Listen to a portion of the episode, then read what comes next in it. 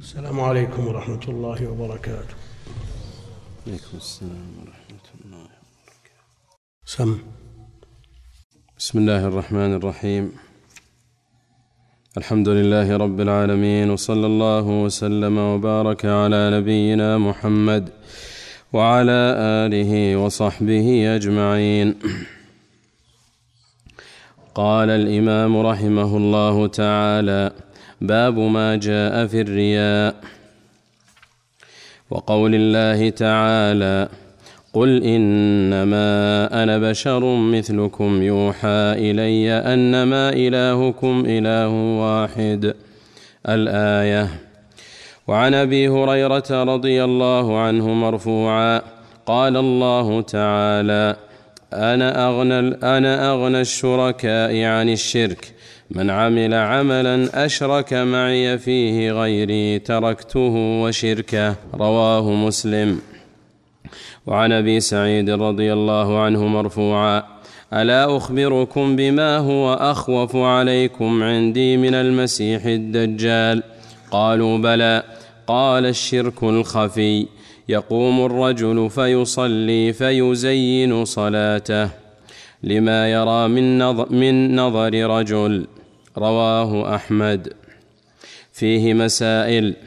الأولى تفسير آية الكهف. الثانية هذا الأمر العظيم في رد العمل الصالح إذا دخله شيء لغير الله. الثالثة ذكر السبب الموجب لذلك وهو كمال الغنى. الرابعة أن من الأسباب أنه خير الشركاء. الخامسة خوف النبي صلى الله عليه وسلم على أصحابه من الرياء. السادسة أنه فسر ذلك ان أن يصل أن يصلي المرء لله.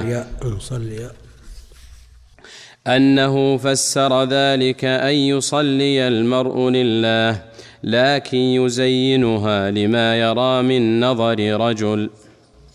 الحمد لله رب العالمين صلى الله وسلم وبارك على عبده ورسوله نبينا محمد وعلى آله وأصحابه أجمعين. أما بعد فيقول الإمام المجدد رحمه الله في كتاب التوحيد باب ما جاء في الرياء. الرياء مراءة وملاحظة الغير من المخلوقين بعمل الخير بعمل الخير. وهذه المراءة والنظر قد تكون من أصل العمل يصلي من أجل الناس. وهذا صنيع المنافقين يراءون الناس ولا يذكرون الله إلا قليلا. إذا قاموا إلى الصلاة قاموا كسالى. يراءون الناس. قد يوجد من بين المسلمين من يتصف بهذه الصفة لكنه يختلف عن المنافقين بأن المنافق الرياء من أصل العمل أو في أصل العمل. ما قام يصلي إلا لما يرى من نظر الناس إليه. ولولا من ينظر إليه لما صلى. المسلم قد يحصل له شيء من ذلك وهذا الذي خافه النبي عليه الصلاة والسلام. يقوم كسلان لأسباب إما سهر وإما تعب وإما مرض. يقوم إلى الصلاة وهو كسلان. لكن لو فعل ما أرشده إليه النبي عليه الصلاة والسلام من الأذكار التي تقال عندما يستيقظ من النوم يعقد الشيطان على قافية أحدكم ثلاث عقد فإن قام وذكر الله انحلت عقده وإذا توضأ انحلت عقده وإذا صلى انحلت العقد كلها وأصبح نشيطا طيب النفس وإلا أصبح خبيث النفس كسلان. فالذكر وملازمة الأذكار الواردة في مواطنها هي العدة التي يستعد بها لما ينوب الإنسان في حياته. هذا المنافق الذي ما صلى إلا من أجل من يراه أتى هذا الرياء على أصل توحيده فقضى عليه. ولذلك عقابه أنه في الدرك الأسفل من النار. المسلم الذي يشبه المنافق في الكسل وقد يوجد الرياء لكن لا يوجد من أصل العمل. أصل العمل لله فهو يصلي سواء كان بحضرة أحد أو لم يكن بحضرة أحد. لو خلا بنفسه صلى المسلم خلاف المنافق. لكن قد تهفو نفسه إلى من يراه من المخلوقين فيزين صلاته وهذا الشرك الأصغر. الشرك الأصغر فهو يطرأ على المسلم. ولا شك أنه إذا كان الشرك أو الرياء من أصل في أصل العمل فإنه محبط للعمل. وإذا كان في أثنائه عرض له فطرده قاومه وطرده هذا لا لا يضره. وهو في جهاد. أما إذا استمر معه عرض له واستمر معه يكون على حسب قوة هذا الرياء وضعفه. على حسب قوة الرياء وضعفه. قد يستمر إلى نهاية العمل فيحبطه وقد يستمر قليلا أو كثيرا فيكون أثره في العمل بقدره.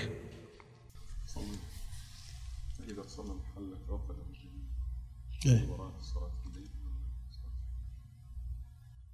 لا الأصل صلاة الصبح. الأصل صلاة الصبح. باب ما جاء في الرياء من الآثار من الآيات والأحاديث والآثار مما سيذكره المؤلف رحمه الله. وقول الله تعالى قولي مجرور عطفا على الرياء قل إنما أنا بشر مثلكم. الرسول عليه الصلاة والسلام بشر. ليس له شيء من من حقوق الله جل وعلا. لماذا؟ لأنه بشر مثلكم. والفرق بينه وبين غيره من البشر يوحى إلي. قل إنما أنا بشر مثلكم يوحى إلي وأنتم لا يوحى إليكم. أنما إلهكم إله واحد. الإله الذي يستحق العبودية بأكملها ولا يجوز أن يصرف شيء منها إلى غيره هو الله الإله الواحد. وإذا تأمل الإنسان في وحدانيته جل وعلا رجع على نفسه باللوم. إذا طرأ عليه شيء من الرياء ما الذي يصنع لك هذا المخلوق الذي لا يملك شيئا؟ لا يملك لك ضرا ولا نفعا. وهو مخلوق مثلك وهو محتاج إلى ما أنت محتاج إليه. أنما إلهكم إله واحد. فمن كان يرجو لقاء ربه فمن كان يرجو لقاء ربه فليعمل عملا صالحا.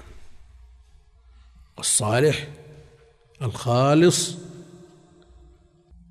الصواب على سنة النبي عليه الصلاة والسلام. هو العمل الصالح الذي ينفع صاحبه. إذا كان خالصا لله جل وعلا صوابا على سنة رسوله صلى الله عليه وسلم. فليعمل عملا صالحا ولا يشرك بعبادة ربه أحدا كائنا من كان. كائنا من كان. ولا يشرك بعبادة ربه أحدا طيب. الذي يعبد الله ويتعبد ويزيد في عبادته طلبا للجنة أو خوفا من النار. هل أشرك بعبادة ربه أحدا؟ ها؟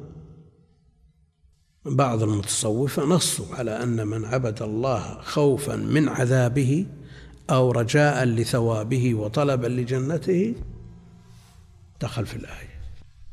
فلا يشرك بعبادة ربه أحدا ها؟ المحبة فقط كما يذكر عن رابعة وغيره. فلا يشرك بعبادة ربه أحد. أنت إذا عبدت الله جل وعلا طلبا لثوابه وهو جل وعلا هو الذي رتب الثواب على هذه العبادة. هو الذي رتب الثواب على هذه العبادة وذكر هذا الثواب ورغب في هذه العبادة مقرونة بهذا الثواب سواء كان ثواب أخروي أو دنيوي. من قال كذا حفظ من كذا لم يضره كذا. يعني أنت إذا لاحظت هذا الثواب تكون قد أشركت؟ لو كانت ملاحظته مؤثرة ما ذكرت في النص. الأمر الثاني الذي يعبد الله خوفا من ناره. هل يخاف من النار أو من الله؟ من الله. هل يخاف من النار أو من الله جل وعلا؟ يعني أنت إذا رأيت في يد أحد سيف أو عصا وخفت أن يقتلك أو يضربك بالعصا. أنت تخاف من السيف أو من حامل السيف؟ من حامل السيف. السيف لو كان ملقى على الأرض ما ضر. النار لو كانت موجودة بدون إرادة إلهية ما ما تسوي شيء. كم من من نار تمر بها ولا ولا تمسك بشيء. فالخوف في حقيقته من الله جل وعلا والرجاء في حقيقة الأمر من الله جل وعلا ولا أثر لما قالوه. إنما جعل الله فيها هذا الأثر لمن يستحقها وجعل هذا الثواب لمن يستحقه والتصرف الكامل لله جل وعلا. ولذا لما وقع في النار من لم يرد الله أن يعذبه بها صارت بردا وسلاما. لأنهم يشوشون على الناس. يقول أنت ما خفت الله خاف من النار. ولا رجوت الله راجل الجنة. هذا كلام ما هو بصحيح. النبي عليه الصلاة والسلام في الرؤى المتعددة حينما يمر بالنار ويذكر أحوال المعذبين.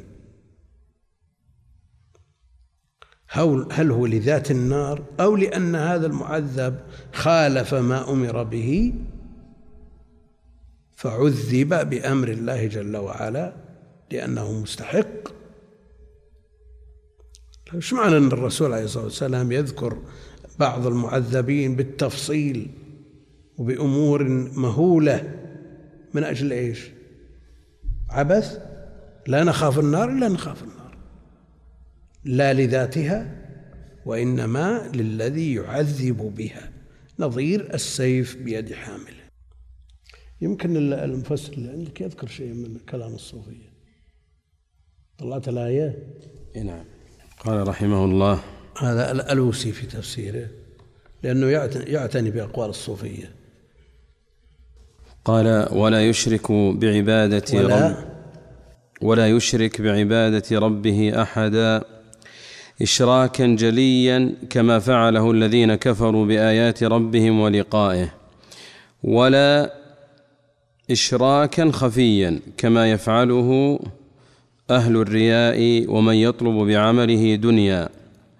واقتصر ابن جبير على تفسير الشرك بالرياء. وروي نحوه عن الحسن. وصح في الحديث تسميته بالشرك الأصغر ويؤيد إرادة ذلك تقديم الأمر بالعمل الصالح على هذا النهي فإن وجهه حينئذ ظاهر. إذ يكون الكلام في قوة إذ يكون الكلام في قوة قولك من كان من كان يرجو لقاء ربه فليعمل عملا صالحا في نفسه ولا يرى ولا يرائي بعمله أحدا فيفسده. وكذا ما ما روي من أن جندب ابن زهير قال لرسول الله صلى الله عليه وسلم.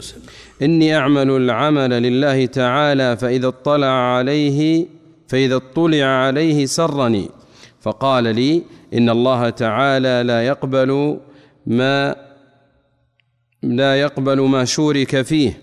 فنزلت الآية تصديقا له صلى الله عليه وسلم. نعم لا يأبى ذلك إرادة العموم كما لا يخفى. وقد تضافرت الأخبار أن كل عمل عمل لغرض من سرته حسنته؟ وسيء وساءته سيئته. لا هو المؤمن. الأمر الثاني من أحب أن يمدح بما فعل. أحب أن يمدح بما فعل. هل يؤثر هذا ولا ما يؤثر؟ ها؟ يؤثر. الجمهور على أنه يؤثر. حب المدح يؤثر. وابن القيم رحمه الله في الفوائد يقول إذا حدثتك نفسك بالإخلاص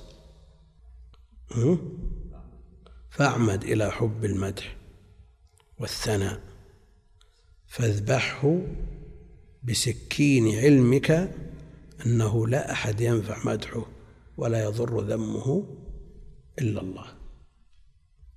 وجاء الأعرابي إلى النبي عليه الصلاة والسلام وقال له يا محمد أعطني فإن مدحي زين وذمي شين.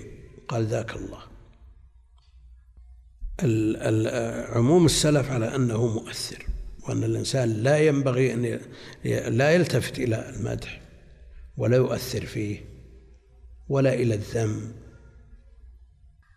ولكن هل من مطلوب من المسلم أن يكون حامده وذامه سواء؟ نعم. ما معنى ذلك عاجل بشرى المؤمن. الشيخ ابن سعدي رحمه الله في آية آل عمران التي في أواخرها ويحبون أن يحمدوا بما لم يفعلوا.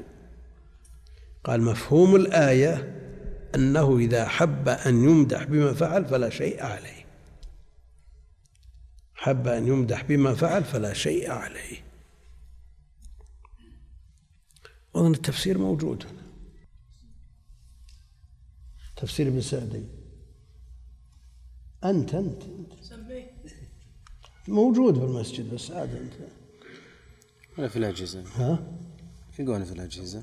شو؟ في الأجهزة موجود. موجود لكن دام الورق عندنا. على كل حال مسألة دقيقة وحساسة. والنية والإخلاص عزيز والنية شرود على الإنسان يتفقدها في كل لحظة. بعض الناس أو الناس على طرفي نقيض فيهم وسط والله الحمد. يعني بعض الناس جاء عنه أنه تعبد سبعين سنة سبعين سنة وقال أنا أستحي أن أسأل الله الجنة. لست بكفء للجنة. إنما أكتفي أن أستعيذ به من النار. هذا عمله مرضي؟ لا. النبي عليه الصلاة والسلام أمر أن نسأل الله الجنة. وإذا سألناه أن نسأله الفردوس الأعلى. وبعض الناس يجلس في المسجد بعد الناس يبقى حاله بالمسجد له نص ساعة ساعة وإذا تحرك الباب. قال دخلوا الملائكة بيسلمون علي. يتوقع هذا. الإنسان يتوسط في أموره كلها ويكون بين الرجاء والخوف يعمل العمل الصالح ولا يشرك بعبادة ربه ولا يلتفت لمخلوق في عباداته ومع ذلك يتوسط في نظره إلى نفسه وفي نظره إلى الناس. نعم إذا هضم نفسه وتواضع ولكن بعض الناس يتواضع تواضع مع حيلة تواضع أكثر مما يستحق ومما هو منتشر ومعروف عند الناس أنه يعمله يقول أبدا ما أعمل والناس يشهدون عليه أنه يعمل. هذا التواضع غير مرضي من أجل أن يمدح بأكثر. هذا إشكال كبير عند بعض الناس. مثل اللي يبيعون بالسيارات والمعارض السيارة تجرب تروح وتجي وما أدري يقول أبدا مخبطة والغير عطلان ولا تمشي ولا تروح تجيبونها تروح وتجي. يبي علشان فيها عيوب ما يستفصل عنها. يجزم الشاري ولا يستفصل عن عيوب هي موجودة في حقيقة الأمر. فالشيطان حريص. الشيطان له مداخل خفية إلى قلوب الناس. نعم. قال الشيخ ابن سعدي رحمه الله بعد أن ذكر تفسير قوله تعالى لا تحسبن الذين يفرحون بما أتوا ويحبون أن يحمدوا بما لم يفعلوا فلا تحسبنهم بمفازة من العذاب ولهم عذاب أليم. قال ودلت الآية بمفهومها على أن من أحب أن يحمد ويثنى عليه بما فعله من الخير واتباع الحق إذا لم يكن قصده بذلك الرياء والسمعة أنه غير مذموم. بل هذا من الأمور المطلوبة التي أخبر الله أنه يجزي بها المحسنين له الأعمال والأقوال وأنه جاز بها خواص خلقه وسألوها منه كما قال إبراهيم عليه السلام واجعل لي لسان صدق في الآخرين وقال سلام على نوح في العالمين إنا كذلك نجزي المحسنين وقد قال عباد الرحمن واجعلنا للمتقين إماما وهي من نعم الباري على عبده ومننه التي تحتاج إلى الشكر انتهى. لكن المسألة من مضايق الأنظار ومن دقائق الأمور. من يتخلص إذا رأى مثل هذا ويتخلص من الموقف مئة بالمئة؟ ها؟ لا صعب. صعب أنه يهمه اللي يمدحونه وبعدين لا شيء. يهمه أن يهمه أن يمدح ويفرح بالمدح ثم بعد ذلك قلبه مستوي.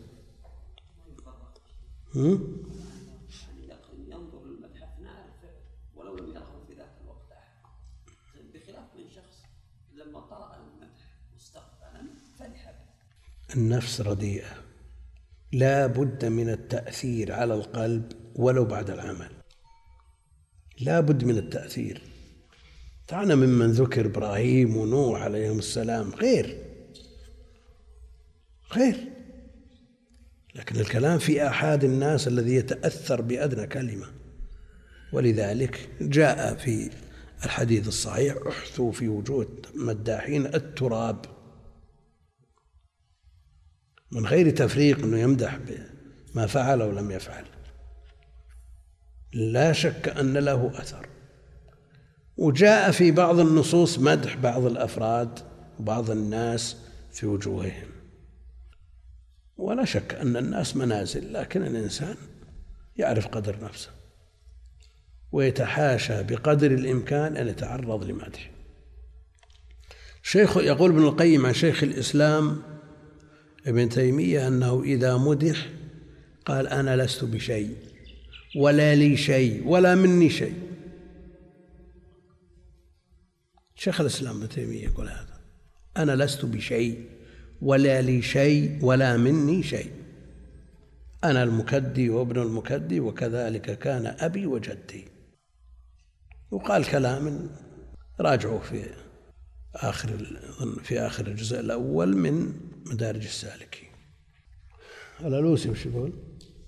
الألوسي يقول وقد تضافرت الأخبار أن كل عمل عمل لغرض دنيوي لا يقبل. فقد أخرج أحمد ومسلم وغيرهما عن أبي هريرة رضي الله عنه عن النبي صلى الله عليه وسلم. يرويه عن ربه تعالى أنه قال أنا خير الشركاء فمن عمل عملا أشرك فيه غيري فأنا بريء منه وهو للذي أشرك. وأخرج البزار والبيهقي عن أنس قال قال رسول الله صلى الله عليه وسلم تعرض أعمال بني آدم بين يدي الله, الله عز وجل يوم القيامة في صحف مختمة. فيقول الله تعالى ألقوا هذا واقبلوا هذا. فتقول الملائكة يا ربي والله ما رأينا منه إلا خيرا.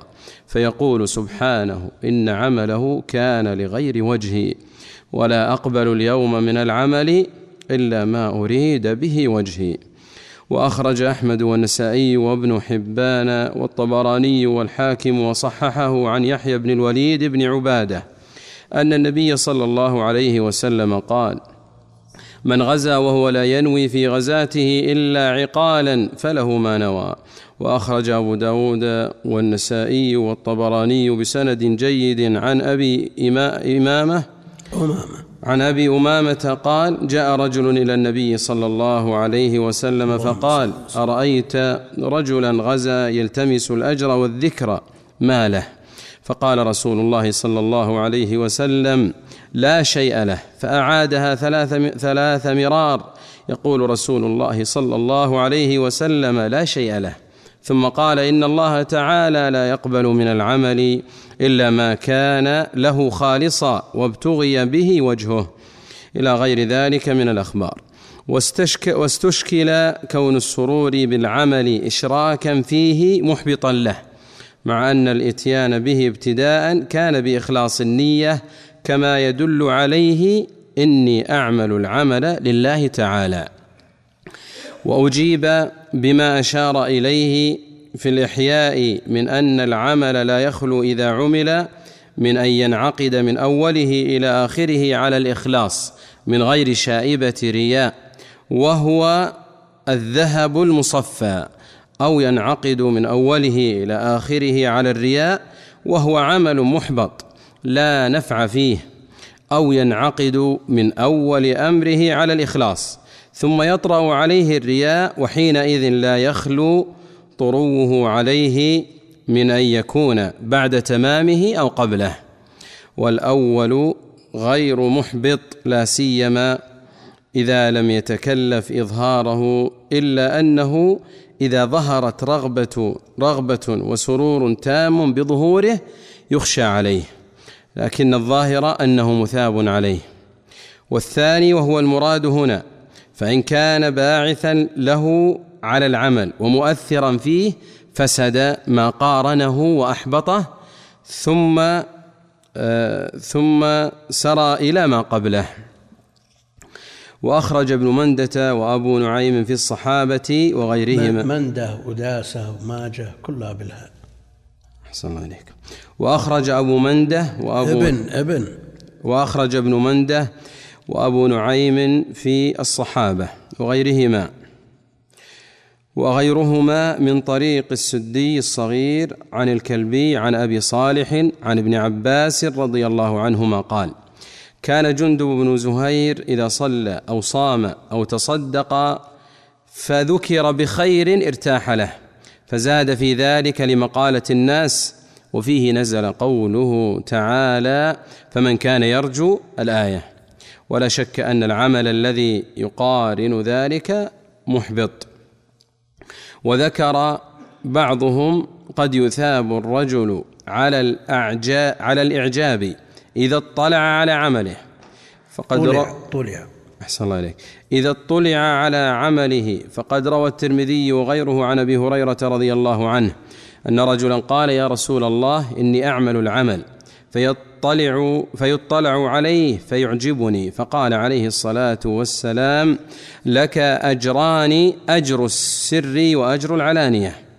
وهذا محمول على ما إذا كان ظهور عمله لأحد باعثا له على عمل مثله والاقتداء به فيه ونحو ذلك. ولم يكن إعجابه بعمله ولا بظهوره بل بما يترتب عليه من الخير. ومثله دفع سوء الظن ولذا قيل ينبغي لمن يقتدى به أن يظهر أعماله الحسنة. ليقتدى به فيكون له أجر عمله وأجر من يقتدي به. نعم. والظاهر أن النبي صلى الله عليه وسلم علم حال كل من كل. كل علم حال كل من هذا الرجل كل. كل. كل من هذا الرجل وجند بن زهير فأجاب كلا على حسب حاله وما ألطف جوابه عليه الصلاة والسلام لجندب كما لا يخفى على الفطن. وأخرج ابن المنذر وابن أبي حاتم, ابن أبي حاتم وابن مردويه والبيهقي في شعب الإيمان.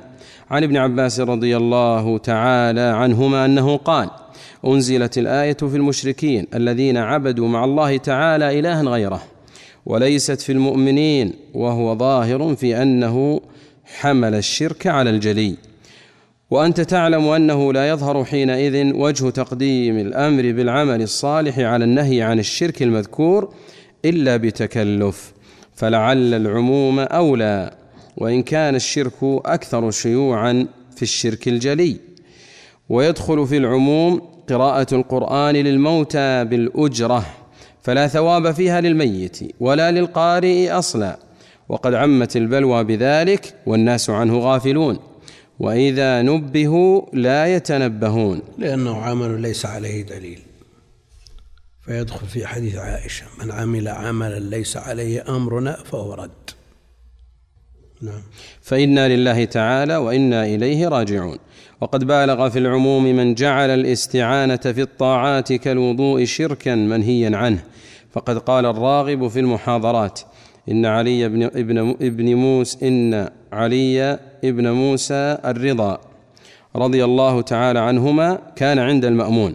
فلما حضر وقت الصلاة رأى الخدم يأتونه بالماء والطست فقال الرضا رضي الله تعالى عنه لو توليت هذا بنفسك فإن الله تعالى يقول فمن كان يرجو لقاء ربه فليعمل عملا صالحا ولا يشرك بعبادة ربه أحدا.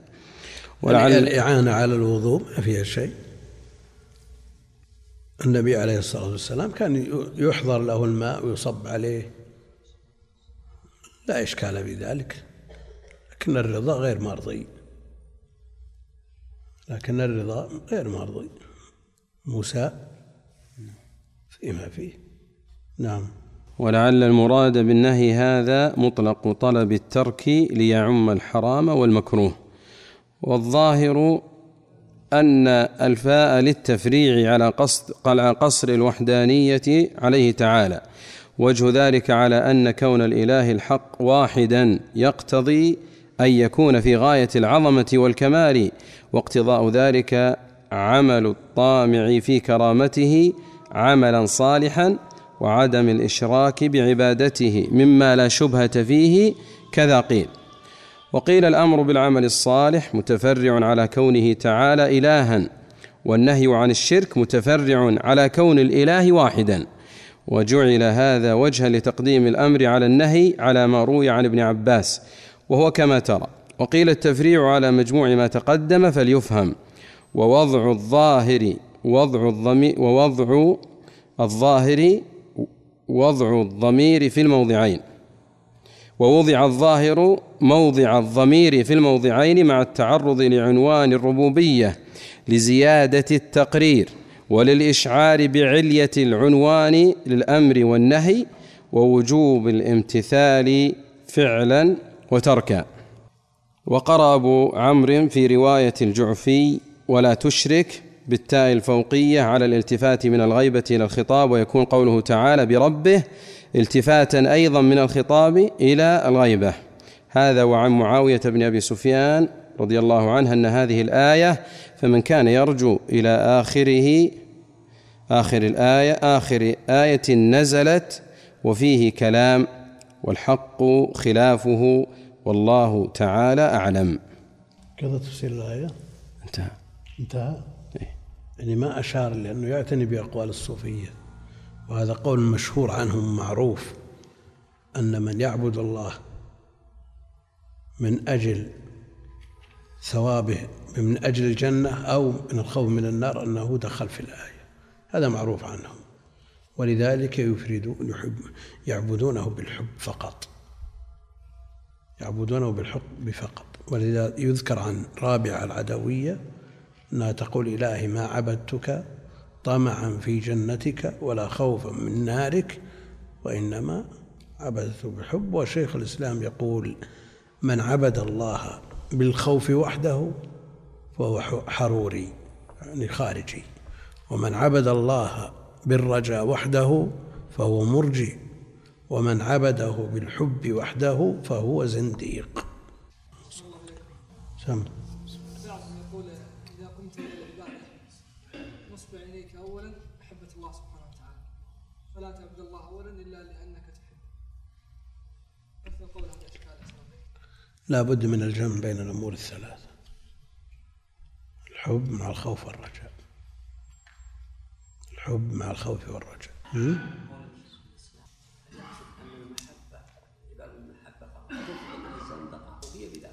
زندقة اللي جرد قلبه من الخوف والرجاء زنديق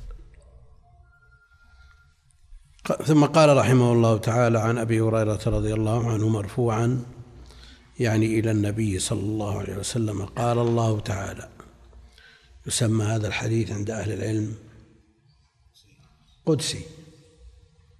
قدسي. فما يضاف إلى الله جل وعلا من غير القرآن هو الحديث القدسي. قال الله تعالى أنا أغنى الشركاء عن الشرك. وليس له شريك. فكونه أغنى الشركاء هل يدل على أن له شركاء؟ اللفظ اللفظ. ما يدل؟ ها؟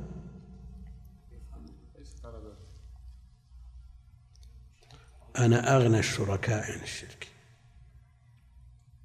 يعني مثل ما قالوا في الموضوع المكذوب على النبي عليه الصلاة والسلام قالوا الموضوع شر الأحاديث. ومن الأحاديث؟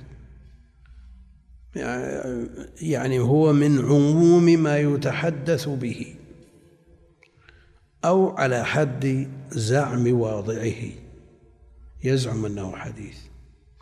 لكن هنا إذا قال أنا أغنى الشركاء عن الشرك يعني على حد من أشرك. على حد زعم من أشرك. أنا أغنى الشركاء عن الشرك من عمل عملا. ها؟ لو على حد زعمه مو بشريك ولو ولو أشرك. المشرك به ليس بشريك ولو أشرك. من عمل عملا نكره في سياق الشرط فتعم أي عمل قل أو كثر. والعمل يشمل العمل القلبي والعمل البدني لأن عمل النكرة في سياق الشرط. تعم. أشرك فيه معي غيري تركته. تركته يعني العامل وشركه يعني ما عمل مما فيه شرك. رواه مسلم. ثم قالوا عن أبي سعيد رضي الله عنه مرفوعا ألا أخبركم بما هو أخوف عليكم عندي من المسيح الدجال. المسيح الدجال الذي أمرنا بالاستعاذة منه في آخر كل صلاة. لا شك أنه مخوف وفتنته عظيمة. لكن أخوف من ذلك الشرك الخفي الذي هو الرياء. لأن المسيح الدجال شيء محسوس. ويمكن أن تتجاوز محنته بتوفيق الله جل وعلا بالصبر عليه. لكن الرياء الذي حاجر محاجر يعني إن نجوت في هذا العمل ما نجوت من الثاني إن نجوت في هذه اللحظة ما نجوت من الثانية. فأمره خطير جدا. وأما من وفقه الله جل وعلا ورزقه الإخلاص هذا في الغالب أنه ينجو لكن قد يعرض لهذا ما يعرض ثم يدفعه ولا يلتفت إليه. ألا أخبركم بما هو أخوف عليكم عندي من المسيح الدجال؟ قالوا بلى. كلنا بالجواب يمكن أن يكون مسلم يسمع هذا الكلام ولا يقول بلى.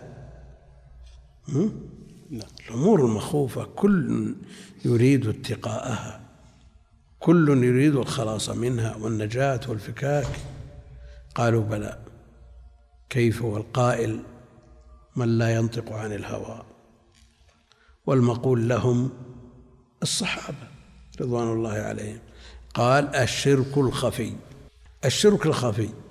طيب ما هو الشرك الخفي؟ قال يقوم الرجل فيصلي فيزين صلاته لما يرى من نظر رجل إليه. رواه أحمد. طيب إذا كان الإنسان إذا صلى الراتبة في المسجد زينها ولو لم يكن عنده أحد. وإذا صلاها في البيت اعتاد أنه يصليها على أي وجه. على المسلم أن لا تختلف صلاته لا بمفرده ولا بحضور الجماعة وبعضهم يعمد إلى العكس. إذا صار بمفرده زينها وأطالها وتخشع فيها وإذا كان بحضرة جماعة خفف. وهذا من أجل ها إخفاء العمل وطرد الرياء والتخلص منه. يقوم الرجل فيصلي فيزين صلاته. لماذا؟ لما يرى من نظر رجل إليه. يذكرون من الطرائف شخص أطال صلاته فسمع من يمدحه سمع من يمدحه والتفت إليهم وقال وصايم بعد. نسأل الله العافية. ترى يوجد من بعض من بعض من استدرج في هذا الباب شيء مضحك. سيما إذا استرسل الإنسان في هذا الباب ولا أوقف نفسه عند حدها ترى النفس ضعيفة نفس ضعيفة.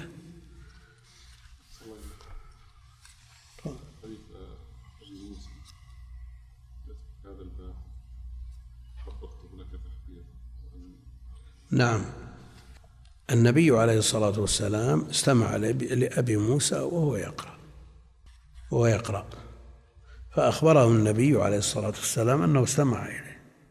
قال لو علمت حبرته لك تحبيرا. هل يدخل؟ يدكم الله سبحانه يدخل في هذا الباب؟ لا يدخل. لا يدخل. لماذا؟ لأنه يريد أن يدخل السرور على النبي عليه الصلاة والسلام لاستماعه للصوت الحسن الجميل الذي أدي به خير الكلام. الذي أدي به خير الكلام. الآن إذا سمع القارئ الآية من القرآن بصوت قارئ وتأثر وخشع وبكى وسمع الآية نفسها بصوت آخر ولا أثرت فيه أما هذا ما يوجد عند الناس كلهم صحيح. أو جلهم هذا موجود. تسمع الآية من فلان ما تحرك فيك ساكن. وتسمعها من آخر فتؤثر فيك. ولذا جاء الأمر بالتغني بالقرآن. زينوا القرآن بأصواتكم. تغني بالقرآن لا شك أنه يجعل الإنسان يتأثر. هل يكون التأثير للقرآن أو للصوت؟ القرآن طيب لما تسمع واحد يقرأ قرآن ولا يقرأ جريدة ما في فرق صار التأثير للقرآن نعم التأثير للقرآن المؤدى بهذا الصوت. ولذلك لو قرأ هذا المؤثر بصوته قرأ من كتب الحديث مثلا. هل يبكي الإنسان إذا سمع؟ إنما يبكي للقرآن المؤدى بهذا الصوت الأحاديث التي فيها وعيد على أمور محرمة هل يكون الشأن في معاملة تسانيدها كما في فضائل الأعمال؟ الجمهور على أن فضائل الأعمال والترغيب والترهيب والمغازي والسير والتفسير على أنه يتسامح في أسانيدها. ونقل عن الإمام أحمد وعن غيره كلام في هذا الباب. وجروا على ذلك. لا يشددون في أحاديث الفضائل. وبعضهم يرى وهذا منقول عن كثير من أهل العلم وإن كان قول الجماهير هو الأول. قول جماهير الأئمة هو الأول. ونقل عن بعضهم أنه لا فرق بين الفضائل والأحكام والعقائد كلها لا فرق بين وعلى كل حال التحري في أمور الدين مطلوب. وعمل السلف على بل نقل النووي الإجماع على التساهل في أحاديث الفضائل. نقل الإجماع. مع أن الإجماع منقوض لأن فيه علماء خالفوا. قال رحمه الله فيه مسائل. الأولى تفسير آية الكهف. قل إنما أنا بشر مثلكم. الآية. الثانية هذا الأمر العظيم في في رد العمل الصالح. تركته وشركه. هذا الأمر العظيم في رد العمل الصالح إذا دخله شيء لغير الله. من عمل عملا أشرك فيه معي غيري تركته وشركه. الثالثة ذكر السبب الموجب لذلك وهو كمال الغنى. أنا أغنى الشركاء. أنا أغنى الشركاء. كمال الغنى لله جل وعلا فغناه لا يعتريه نقص. الرابعة أن من الأسباب أنه خير الشركاء. لو مجموعة ورثة مثل لزيد من الناس. فيهم خمسة من الأولاد فيهم الغني وفيهم المتوسط وفيهم الفقير. فيهم هؤلاء الورثة ورثوا عن أبيهم شيئا يسير جدا. هل تحصل مشاحة بين الغني السوي هو البخيل والشحيح؟ الغني السوي إذا كان هذا النزر يسير جدا. هل يمكن أن تحصل مشاحة ولا محاكمات ومقاضاة فكيف بالغني الذي لا يعتري غناه نقص بوجه من الوجوه؟ الرابعة أن من الأسباب أنه خير الشركاء. أنه خير الشركاء. من أين نأخذ؟ ها؟ ما يلزم. هل الغنى يدل على الخيرية؟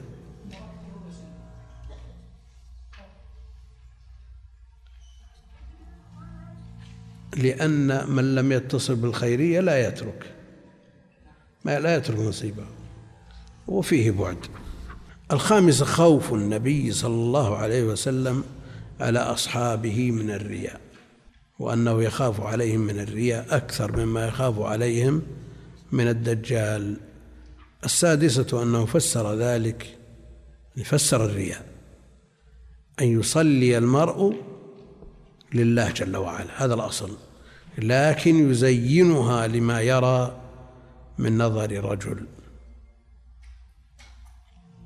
لكن يزين هذه الصلاة لما يرى من نظر رجل الله أعلم وصلى الله على محمد وعلى آله وصحبه أجمعين. اللهم صل وسلم على عبدك.